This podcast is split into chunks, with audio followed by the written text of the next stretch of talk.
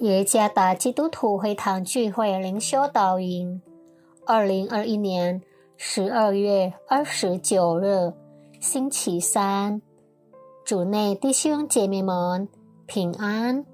今天的灵修导引，我们会借着圣经《生命记》第二章第七节来思想今天的主题：上帝完美的眷顾。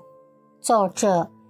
以马内利牧师《生命记》第二章第七节，因为耶和华你的神在你手里所办的一切事上，一赐福于你。你所这大旷野，他都知道了。这四十年，耶和华你的神常与你同在，故此你一无所缺。你听过？或唱过，我已经决定跟随耶稣这首歌吗？对于经常使用教会赞美诗或圣诗的会众来说，可能听合唱这首歌都不陌生。然而，你是否知道，一首歌词简短而简单的歌曲背后，有一个？让我们想起，在跟随上帝信仰之旅中，有上帝眷顾的一个故事。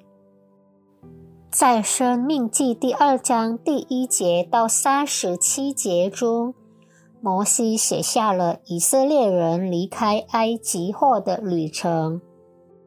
在他写作中，摩西再次提醒以色列人，上帝与他们的同在。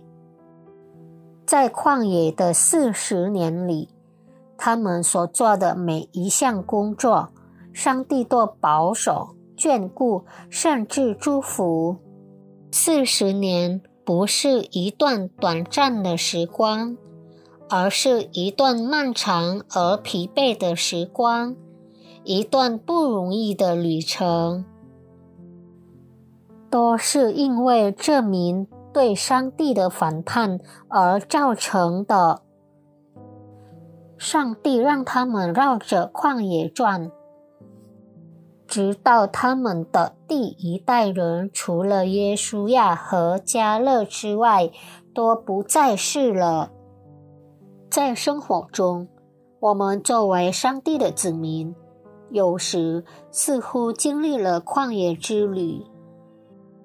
但在人生最艰难的风暴中，让我们不要忘记，我们曾经历过上帝的所有美善。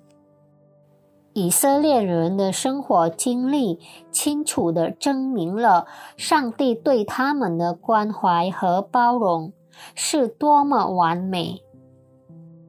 作为上帝的子民，让我们忠心跟随他。继续不断的握住他的应许，因为我们所敬拜的上帝是慈悲的上帝，永远不曾片刻抛弃和离开我们。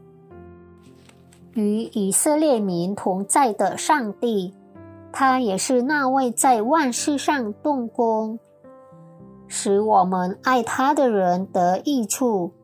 爱上帝的人会紧握上帝的应许，并遵守他的一切诫命。